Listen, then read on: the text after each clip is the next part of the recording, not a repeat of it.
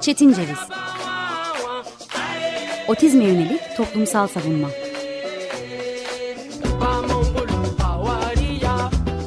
Hazırlayan ve sunan Deniz Yazgan Zorlu Holding Sürdürülebilirlik Platformu Akıllı Hayat 2030, herkes için daha yaşanabilir bir dünya diler. Merhabalar. İkinci Korona Bahar'da da 95.0 Açık Radyo'ya uzaklardan bağlanmaya devam ediyoruz. Ben Deniz Yazgan. Bugün 21 Nisan 2021 Çarşamba. Toplumsal sağlamcılık normları karşısında otizm serisiyle Çetin Ceviz'e devam ediyoruz. Son birkaç haftadır ana ana okuya okuya otizm serisine dönüşen programlarda tırnak içinde sadece yaşayanın bileceği otizmden değil, düşte ve düşündeki otizmden de söz ettik. Düşte ve düşündeki otizmden söz ederken söz etmeye de kulak misafirlerimizin ilgisi doğrultusunda devam etmek isterken her zaman olduğu gibi bir anket de gerçekleştirdik. Anket tek bir sorudan oluşuyordu ve soruda otizm ve nöroçeşitlikle ilgili araştırmalar hangi konularla ilintilendirilirse ilginizi çekerdi. Katılımcılar ekonomi ve benzer bir yanıt olarak kamu maliyesi, feminist teori, queer teori, holistik tıp, aktivizm, şehir planlama, yapay zeka ve bilişim konularıyla ilintilendirilirse otizm araştırmalarının ilgi çekeceğini düşündüklerini belirttiler. Değerli Açık Radyo dinleyenlerine de aynı soruyu yönlendirmek isterim. Otizmle ilgili bir araştırma hangi konuyla birlikte ele alınsa ilginizi çeker? E-posta adresiniz cetincevizpodcast.gmail.com'a yanıtlarınızı gönderebilirsiniz. Gönderirseniz de çok çok mutlu oluruz. Bu küçük emirvakinin ardından bugünün konusunun neden umut olduğundan bahsederek birazcık da iki hafta önceyi hatırlatarak başlamak lazım. Bu haftanın konusu umut çünkü Türkiye'de otizm, otistik hakları ve otizm odaklı sivil toplumculuğu konuşurken büyük umutlara ihtiyacımızın olduğu kesin. Bu ihtiyaç birden fazla yanlışın hepimiz tarafından her gün yapılmasıyla kendini yeniden doğurur durumda. İşin hem üzücü hem de sevindirici tarafı bu hepimiz yalnızca nörotipiklerden oluşuyoruz.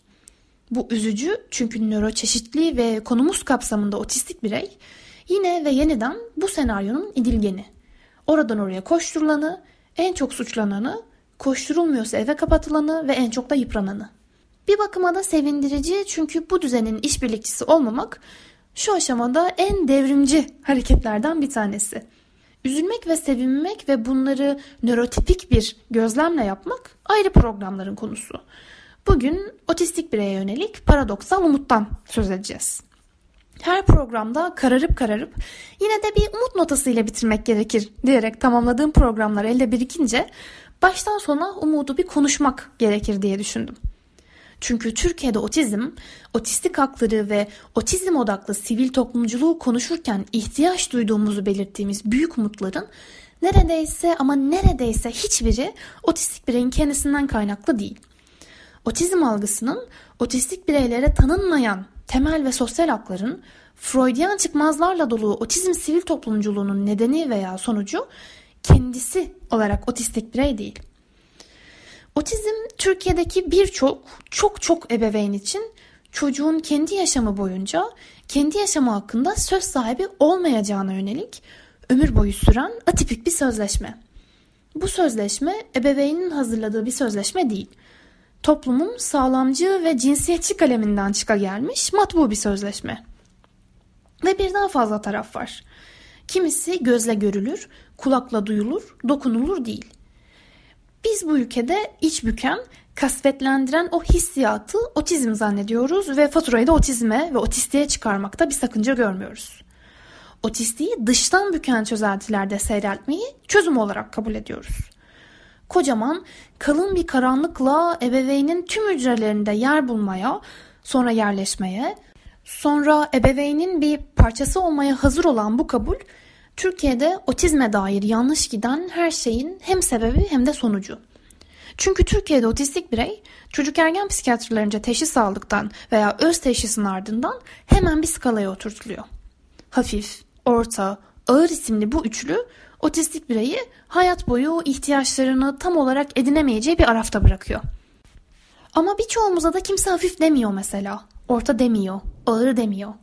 Matematiği, fen bilgisini sevmeyen bir çocuksak eğer derslerimizin hepsi 5 olmayalı en az bir 15 yıl olmuşsa kimse bizi bu özelliklerimizle hemen tanımlamak istemiyor. Kimse yapamayacaklarımızdan hemen ve sonsuz biçimde şüphelenmiyor. Ki çoğumuz lisede, üniversitede, ortaokulda yapamasak yapamayacağımızı da hissedebiliyoruz. Ama kimse bizim yapıp yapamayacaklarımızla ilgili baştan sınırlar çizmiyor. Kimse bizden umudu tam olarak kesmiyor veya bizlerden fatura edemedikleri umudun hesabını hemencecik sormuyor. Ömrümüze yönelik geniş zamanlı cümleler çok da hızlıca kurulmuyor. Kimse bunları bize yapmıyor yani. Söz konusu biz dışında kabul edilen otizm teşhisi almış bir insanken bu pseudo öngörü nereden geliyor? Bu artık e, yani daha doğrusu yalnızca retorik bir soru değil bence. Komşu, komşusunun çocuğunun, parktaki ebeveyn, parkta çocuğuyla oynayan çocuğun, okul müdürü okulunda öğrencilik yapacak çocuğun kabul edilebilir kadar olmasını istiyor. Çocuktan beklenti kabul edilebilir kadar cinsiyetçi, kabul edilebilir kadar sağlamcı, ageist, öjenik, zorba olması. Ama bunları içi benzin kokan bu kara torbaların altında yaparken dışarıya da cinsiyetçiliği, sağlamcılığı, ageistliği, öjenikliği ve zorbalığı güzelleyen tüm yapıların içinde bir pozu da vermesi bekleniyor. Bir çocuğun cinsiyetçi küfür etmesi komik mesela ya da arkadaşlarının yanında yapabileceği bir şey. Ama bir başka çocuğun sistem hareketlerde bulunması, sözel olmayan biçimde kendini ifade etmesi hala aman aman evlerden ırak bir durum. Şimdi biz otistik bireyden neyi umuyoruz peki? Ne bekliyoruz? Genelde problem davranışın sona ermesini, iyileşmesini istiyoruz. Yanıtı geliyor bu sorulara. İyileşmesini. Bir insanın iyileşmesini istemek yanlış bir şey midir peki? Bu neyinin kötü gittiğini düşündüğümüze ve iyileşmekten de ne anladığımıza göre değişecektir. Şimdi bir ay evveline Sontag'in metafor olarak hastalığından tüberküloz ve kanser örneğini düşünerek döndüğümüzde veya Covid-19 testi pozitif çıkmış, üstüne üstlük akciğerlerinde de tutulma olan bir kişinin iyileşmesini, canı acımadan nefes alabilmesini, yaşama, yaşamak istediği gibi geri dönmesini istemek kötü bir şey mi oluyor? Bir insanın yaşama, yaşamak istediği gibi dönmesini ummak elbette yanlış olamaz. Ama otistikten istediğimiz, otistikten beklenen de bu değil. Teşhis zamanında kapı kapı gezerek yok etmeye çalışıyoruz otizmi. Çünkü korkuyoruz. Yok olmadığını öğrendiğimizde yokmuş gibi davranmayı öğreten kapılara gidiyoruz. Çünkü yine korkuyoruz. İlkokul çağına kadar bu iş bitsin gitsin, normal çocuklar gibi yoluna devam etsin istiyoruz. Ama hiçbir şey yoktan var, vardan yok olmayacağı gibi otizm de otistikten yitip gitmediğinde otistiğe hınçlanmaya başlıyoruz. Ki Freudian çıkmazlar biraz biraz burada başlıyor belki de. Okulda sorunlar yaşamaya başladı diye başlıyor birçok öykü. Yaşıtlarına, yaşlarına dek kazandırılmamış farkındalıkla veya sınıftaki mutlak sessizliği kutsayan bir öğretmenin dışlayıcılığında veya ekmek gibi, su gibi ihtiyaç duyulan gölge öğretmenin yokluğunda yalnız bırakılan ve ayrılan, ayrımcılığa maruz bırakılan otistik sorun yaşamış oluyor. Biz otistikten sorun yaşamamasını bekliyoruz. Sözel olmayan otistiğin konuşmasını istiyoruz. Ama konuştuğunda kabul edilebilir, çok uçuk kaçık olmayan şeyler söylemesini istiyoruz. Bitirin bir çocuk olsun istiyoruz ama yeri geldiğinde de tüm normlarla uyumlu. Kapalı çarşı görmüş, usul erken bilen çocuk olsun istiyoruz. Aslına bakarsak tuvalet eğitiminin tipik koşullarda tamamlanmasının ardından fazla da iş güç çıkarmayan çocuk arayışı sosyoekonomik farklılıklar olsa bile ortaklaşıyor. Biz sistem hareketleri dışa çıkan hareketleri engellemek istiyoruz. Çoğu zaman da halis duygularla otistik bireyin canı acımasın diye istediğimize inandırıyoruz kendimizi. Akran zorbalığı ne? O veya bu şekilde duyduk. Biliyoruz. Bildiğimizi zannediyoruz. Otistik birey zorbalık görmesin, kabul edilebilsin diye otizmi otistik bireyin içinden söküp almak isteyişimizde irademiz tam oluyor maalesef. Ki zorbalık da bir paradoksa dönüşüyor bu İslamler denizinde. Çünkü Türkiye'de otistik veya değil çocuğa yaklaşım farklılıkları çoğaltmaya yönelik değil. Otistik bireyde özgü davranışına odaklanmış o toksik saatlerde kendisi olmaktan uzaklaştırılıyor. bölük pörçük ve devamı kerevete çıkmakla gelmemiş sözlü eğitimlerin ardından otistik birey evine mahkum hale de gelebiliyor. Bu sefer zorba davranışları kendisini yaşamla bağlayan tek kişi veya grup olan ebeveynine, ebeveynlerine gösterebiliyor. Otistikten beklentilerimiz de bu paradokslarla beraber şekillenirken ihtiyaç duyduğumuz bu büyük umutların ne olduğu sorusu akla gelecektir tabii. O anda da akla bugünün ana okuyor otizmde ustalar köşesindeki Erich Fromm geliyor. Ruh ve toplum bilimine Frankfurt okuluna Freudian ve Marksist rüzgarlarla şekil vermiş olan Erich Fromm'un ömrünün son 10 yıl eserlerinden biri Umut Devrimi. Belki de bu yüzden umudun ne olduğuyla değil ne olmadığıyla ilk olarak ilgileniyor, ilgileniyor Fromm. Çok kişinin sandığı gibi dileklere ve isteklere sahip olmak mıdır diye sorar kendine ve hayır diye yanıtlar. Böyle olsaydı daha çok ve daha iyi otomobil isteyen, daha iyi ev, daha çok araç gereç isteyenler umutlu insanlar olacaklardı. Ama değiller. Bunlar umutlu insanlar değil. Daha çok tüketimde bulunmaya düşkün kişiler. Umudun nesnesinde bir şey değil de daha dolu bir yaşam sürmek, daha büyük bir canlılık içinde bulunmak, o sonsuz sıkkınlıktan kurtulmak olduğunda ya da din bilimsel açıdan bakarsak günahlardan arınma ya da siyasal açıdan devrime kavuşmak olduğunda mı gerçek anlamda umut etmiş oluyoruz diye sorar Fromm. Evet aslında bu türden beklentiler umut etmek anlamını taşıyabilir. Ama beklentilerde edilginlik varsa ve umut ele tek çekmenin, teslimiyetçiliğin bir bahanesi oluyor. Yalnızca bir ideoloji haline gelinceye dek beklemek şeklinde kendini gösteriyorsa umut etmekten söz edilemez der ve bir nevi de programın kısasını ve de hissesini kitabın ilk 20 sayfasına sığdırmış olur. Otistik bireyden beklentiler çoğu zaman yanında bulunduğu kişinin yaka iğnesi olmaya yönelik. Buradaki edilgenin otistik birey olduğunu ve otistik bireyin oldukça umutsuz bir duruma sürüklendiği ise apaçık. Peki ya bu beklentilerin sahibi olan ebeveyn? Hayal kırıklığına uğramış, toplumun ayrımcılığıyla travmatik öğelerle karşılaşmış ebeveynin otistik bireye yönelik umudundan söz edilebilir mi? Umut etmek bir var olma durumudur diye devam ediyor Fromm. Yoğun ancak henüz harcanmamış bulunan etkin olma durumunun içsel olarak hazır olmasıdır. Etkinlik kavramı çağdaş sanayi toplumunda insanın en yaygın yanılsamalarından birine dayanır. Kültürümüzün dişlilerinin tamamı etkinliğe, meşgul olma anlamında etkinliğe ayarlanmıştır ve bu meşguliyet anlamında meşgul olmayı ticari iş için gerekli meşguliyeti kapsamaktadır. Hatta çoğu insan öylesine etkindir ki bir şey yapmadan duramaz.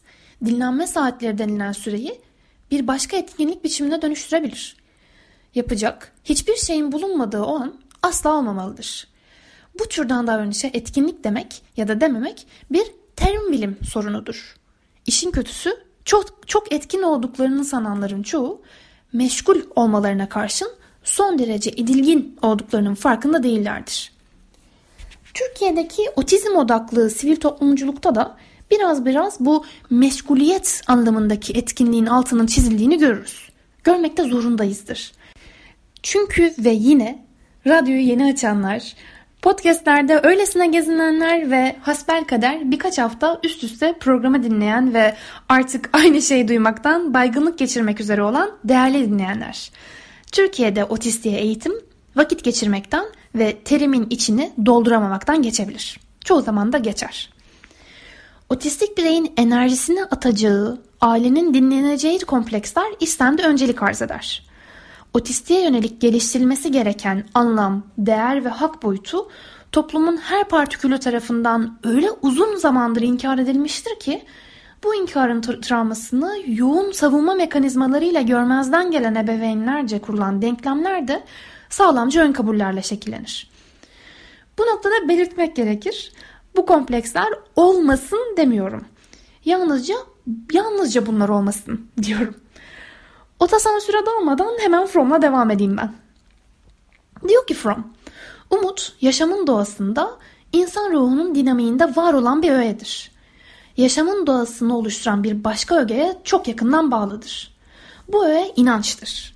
Umut Umut inanca eşlik eden ruh halidir. Umutluluk hali olmaksızın inanç ayakta duramaz, dayanaksız kalır. Yaşamın yapısında umut ve inanca bağlı olan ve onların bir halkasını oluşturan bir öğe daha vardır. Cesaret ya da Spinoza'nın adlandırmasıyla direnme gücü. Direnme gücü dünya evet sözcüğünü duymak istediğinde hayır diyebilme yetisidir. Otistiğe mikrofon uzatma, otistiği kabullenme ve otistiğin söylenenlerden ayrıksı olduğunu kabullenme hali de umuda ve inanca dair. Dünya otizm dedikçe otistik diyebilme yetisi de biraz bu direnme gücünden geliyor. Onlar otistik olmak istemezlerdi cümlesine velev ki otistiyiz cevabı vermekten geçiyor. Otizm bir hastalık değildir dedikten sonra içini doldurmaktan geçiyor. Ama uğranılan ayrımcılık kadar beklentiler de teleskobik. Atıl, hareketsiz duran yaşam ölmeye eğilimlidir. Eğer atıllık eksiksizse ölüm gerçekleşmiş demektir. Buna göre yaşam hareket etme niteliğinden ötürü statükodan kurtulup çıkmak ve onu aşmak eğilimindedir der Fromm. Bu noktada statükonun ne olduğunu iyi belirlemek gerekir. Sorun diye belirlenenin ve yok edilmesi gerekenin otizm olduğu statüko, otistiği yaşarken ölmeye mahkum etmekte oldukça da ısrarcıdır.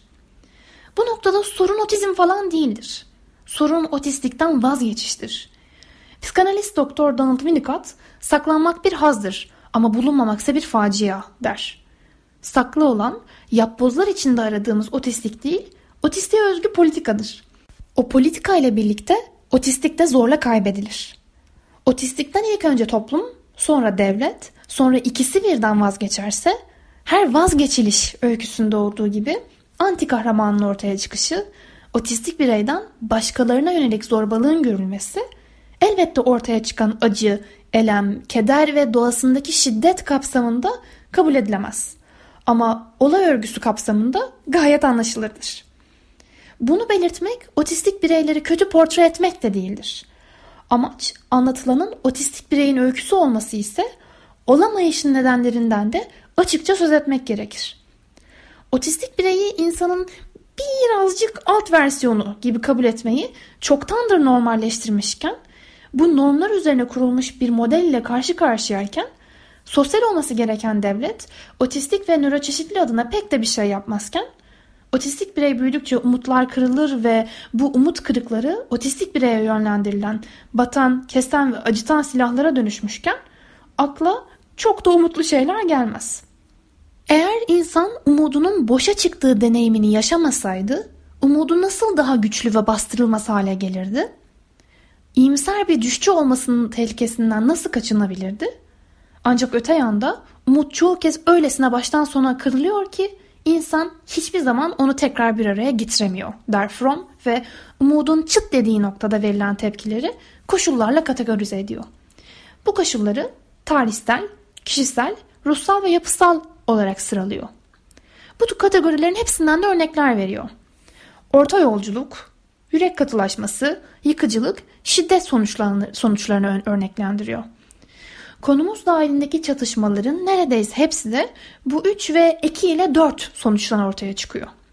Otizm, siyaset üstü bir fenomendir dendiğindeki orta yolculuk, iki kutba çekilmiş tarafların ortak geçmişlerini ve dayanışma gerekliliklerini unutarak acımasız davranışlarda bulunması, cinsiyetçi ve pejoratif yorumlarla psikolojik şiddet, Fromm'un 53 sene önceki ayrımını bugün yeniden dünyaya getiriyor. Umut kırıkları demiştik. Bu yeniden doğum halinde otistik bireyden beklenti azalmış görünür. Ancak beklenti yalnızca daha da toksikleşmiştir. Sürdürülebilir bir çaresizlik olarak algılanan otizmle yaşam, otistikle yaşam olmaktan çıkmış, tam da Fromm'un dediği gibi atıllaşmıştır. Türkiye'deki otizm odaklı sivil toplumun önde gelenleri de çoğu zaman ailelerin umuda ihtiyacı var cümlesini kullanır. Alternatif ve destekleyici iletişim sistemlerinden, sosyal yaşamdan ve doğru, özel ve örgün eğitimden azade otistikle yaşamı kolaylaştırılacak bir umudun gerekli olduğuna inanç tamdır. Bu umuda yönelik yanıtı Fromm'da ararken Fromm'a küstüğüm, ne zayıfı ne güçlüsü, dualist olmayın Sayın Fromm diye kitabıma çıkıştığım oldu. Ama ilerledikçe 200. yılına yaklaşırken sanayi devriminin insanları dönüştürdüğü şeyi tarifinde Türkiye'li otistikten bekleneni Türkiye'li otistiğin makus kaderinde okur gibi oldum. İnsanı makinenin bizzat kendi düzenek ve talepleri tarafından yönetilen bir uzantısı durumuna indirger. Onu tek amacı daha fazla şeye sahip olmak ve daha fazla şey kullanmak olan bir homo consumense, salt tüketiciye dönüştürür. Bu toplum pek çok yararsız şey üretmektedir. Aynı ölçüde de pek çok yararsız insan üretmektedir. İnsan bir üretim makinesinin çarkının bir dişlisi olarak artık insan olmaktan çıkar, şey haline gelir. Şey haline gelir. Vaktini ilgisini çekmeyen insanlarla ilgisini çekmeyen işler yapmak, ilgisini çekmeyen, onu ilgilendirmeyen şeyler üretmekle geçirir. Üretimi yapmadığı süre içinde ise tüketmektedir. Cümlelerini 2020'li yılları sürerken dehşet içinde okumam belki biraz absürt. Fakat nörolojik çeşitlilik, mental retardasyon veya otizm dendiğinde yaşananın yaşanması öngörülenin de bu korkunç tasvirin satır, satır aralarında olduğu açık. Fromm'un bu haklılığı Denizciğim sen mana mı buluyorsun acaba sorusunu da gündeme getirebilir. Bu nedenle umut dendiğinde okunmadan geçilmeyecek herkesten bir selam getirmenin doğru olacağına kendimi inandırdım ve Tanıl Bora'nın Ernst Bloch'tan çevirdiği iki ciltten oluşan Umut Likesi'nden Kant'ın saf aklın eleştirisine kadar bu manayı sağaltmaya çalıştım. Umuda dair seçki değerlendirmeye Necmettin Tan'ın Ne Umabilirim Kant'ın ahlak felsefesinde umut kavramı başlıklı makalesinden erişmek mümkün. Eflatun, Aristo, Descartes, Spinoza'dan örnek verdikten sonra Bloch'a atıf yapıyor Sayın Tan. Eflatun'un ve Aristo'nun dinsel bir öğe olarak umudu görmediğini, umudu zarar verici olarak belirlediğini belirtiyor. Ve direkt olarak atıf yapmak gerekirse ve direkt olarak atıf yapmak gerekirse Eflatun bir yandan umudu gelecekte bir takım hazların gerçekleşmesine dönük bir duygu olarak görürken bir yandan da gerçekleşmesi pek de beklenmeyen şeylere dönük olduğunu söylemekte ve umudu kolaylıkla yoldan çıkaran bir şey olarak görmektedir.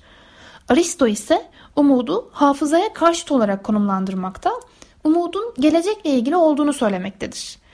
Ne var ki insanların umut ettikleri şeyi, şeyleri yakın ve ulaşılabilir gördüğünü, buna karşın korktukları şeylerin ise uzak ya da muhal olduğunu düşündüklerini ve bu nedenle de umudun kişiyi aldatabileceğini söylemektedir.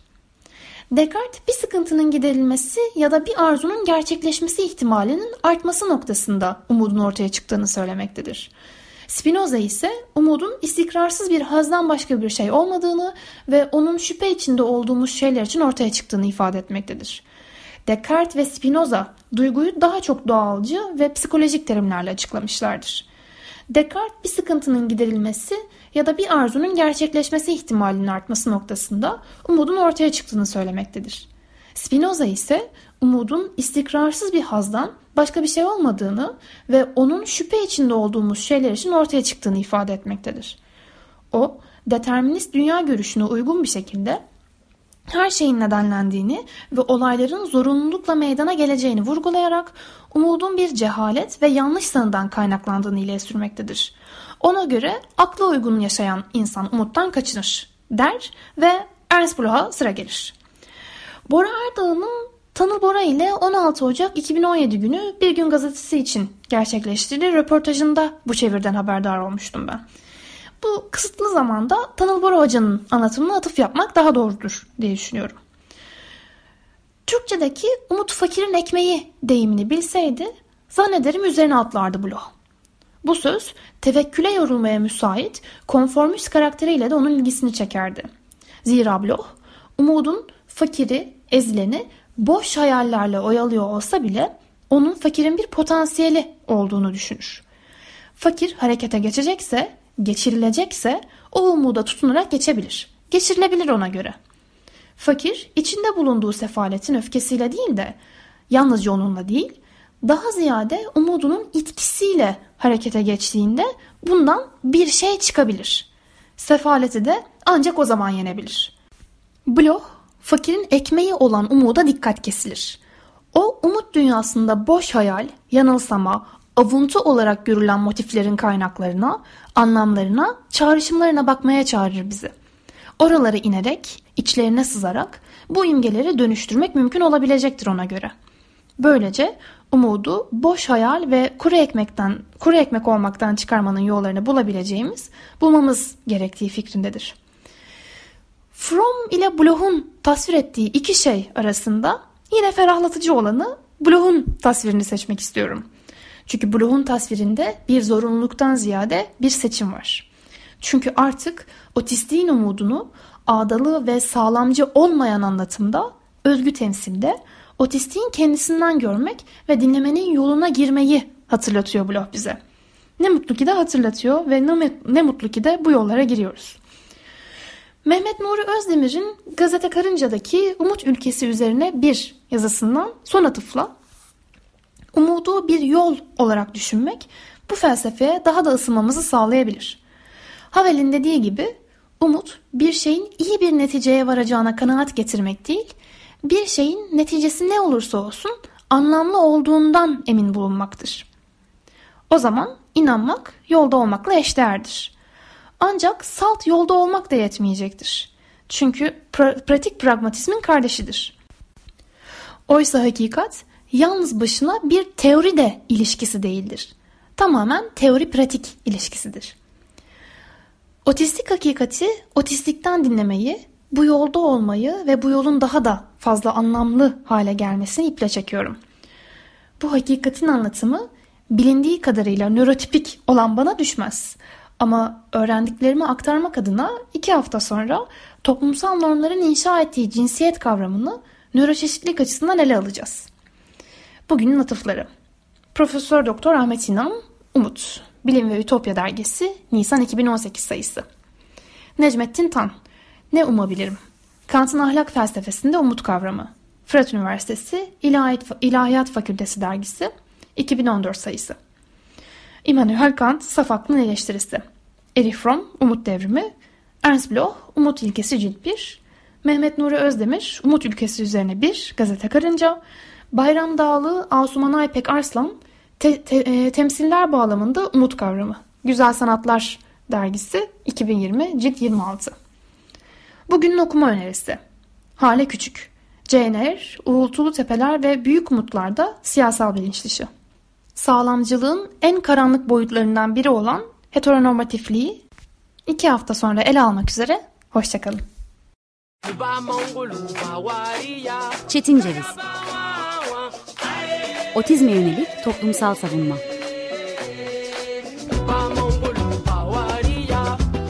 Hazırlayan ve sunan Deniz Yazgar Zorlu Holding Sürdürülebilirlik Platformu Akıllı Hayat 2030 sundu.